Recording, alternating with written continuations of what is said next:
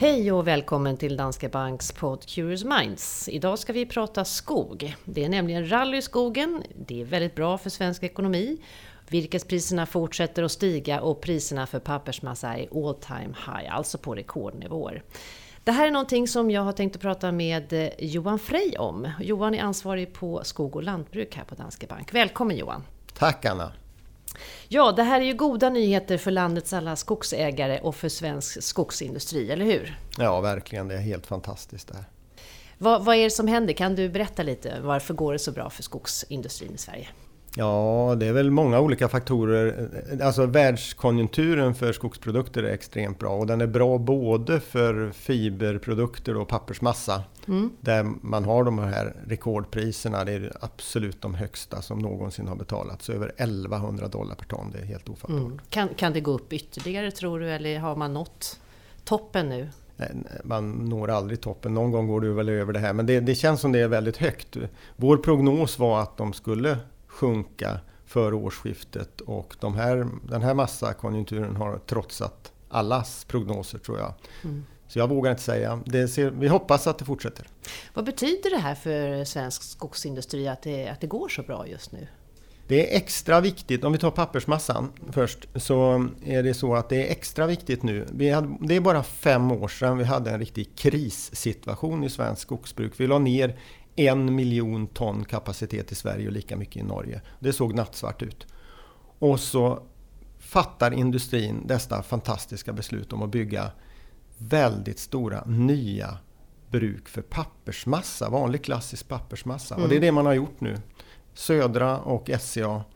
SCA börjar i maj, Södra har redan startat Väröanläggningen. Och i denna period så har vi de högsta massapriserna någonsin. Det är väldigt, väldigt bra.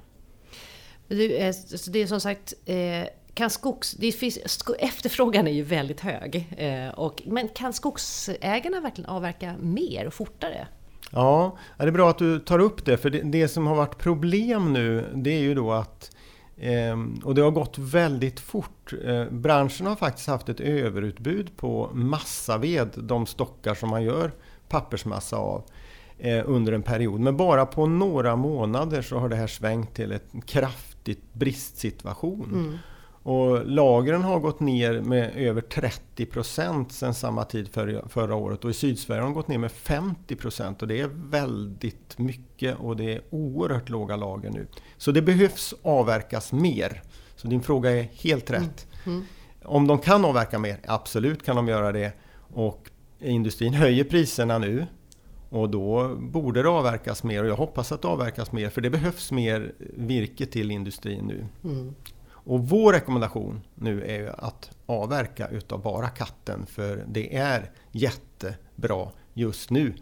Kan det bli bättre? ställer sig då en skogsägare frågan. Ja, det kan bli bättre. Men det är oerhört svårt att pricka toppen. Mm. Och eh, det är en volatil bransch det här. Det har vi fått erfara många gånger förut. Så.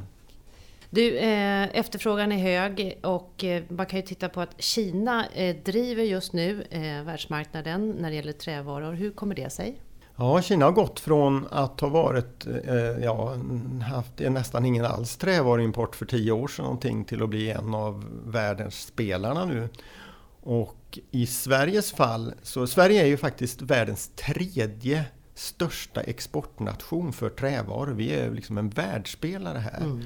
Och det har, Kina har glidit upp och kommer sannolikt att bli vår tredje viktigaste exportmarknad. Eh, och det har bara gått på några år. Så starkast, störst är Storbritannien, tvåa är faktiskt Egypten och sen tror vi att Kina kommer att vara det Intressant. Egypten, det är mm. också intressant. Har de varit på topp Nej, det är samma sak där, att det har gått väldigt fort också. Det, och det, är ju, det kan man väl visa ett bevis på att svensk trävaruexport har lyckats anpassa sig efter de förutsättningar som har varit mm. efter finanskraschen. Du, hur ser exportläget ut eh, framöver tror du för svenska skogsprodukter? Finns det andra länder som kan segla upp på den där topp tre-listan eller eh, Ja, det, det, gör det säkert. Eh, Sydostasien är, pratar man mycket om, Indien pratar man mycket om.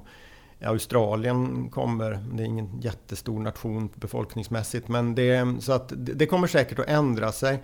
Det man kan säga är att trävaruexporten, den har haft en positiv pristrend nu i 24 månader. Det är, det är väldigt långt redan nu. Håller det i sig bara till påsk, vilket alla sågverkschefer nu tror på, då, alla tror jag i alla fall att det är, eh, då, då är det den längsta prisökningsperioden på 30 år. Så det är Oerhört intressant. Ja, det är intressant. Så det är, det är en spännande tid och självklart kommer exportmarknaden att ändra sig. Men det vet vi inte någonting om för tillfället. Vi får följa utvecklingen där. Du Johan, innan jag släpper dig idag så kan jag inte låta bli att fråga lite om eh, byggandet i Sverige. Det har ju varit en het potatis, inte minst i media. Och eh, eh, kommer vi se en kraftig minskning, tror du, under 2018 och påverkar det skogsindustrin i Sverige? Ja, det här är inte mitt expertområde på något sätt, men det, det jag är övertygad om att vi kommer att se en kraftig minskning av byggandet från förra året. Mm. Men förra året var ju extremt högt byggande. Så att jag misstänker att 2018 kommer att vara ett alldeles utmärkt byggår utifrån ett trävaruperspektiv. Och det är först nu, säger sågverken, som de verkligen märker att vi bygger i förnyelsebara material, alltså trä. Och det är ju fantastiskt. För vi har pratat om det i många år, men nu händer det. Nu händer det. Bygg i trä. Vad härligt. Mm. Johan, jag får tacka dig för att du tog dig tid att komma hit idag. Det var bara ett nöje. Mm. Tack. Tack ska du ha. Hej.